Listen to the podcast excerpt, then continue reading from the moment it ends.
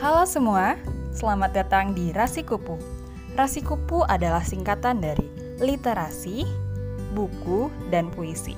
Diharapkan podcast Rasi Kupu ini menjadi platform untuk adik-adik Rasi Kupu menuangkan ide dan kreativitas mereka dalam puisi dan sastra. Maka dari itu, teman-teman pendengar semuanya, silahkan tunggu episode-episode selanjutnya yang akan berisi banyak puisi dan juga banyak kreativitasan lain. Sampai jumpa!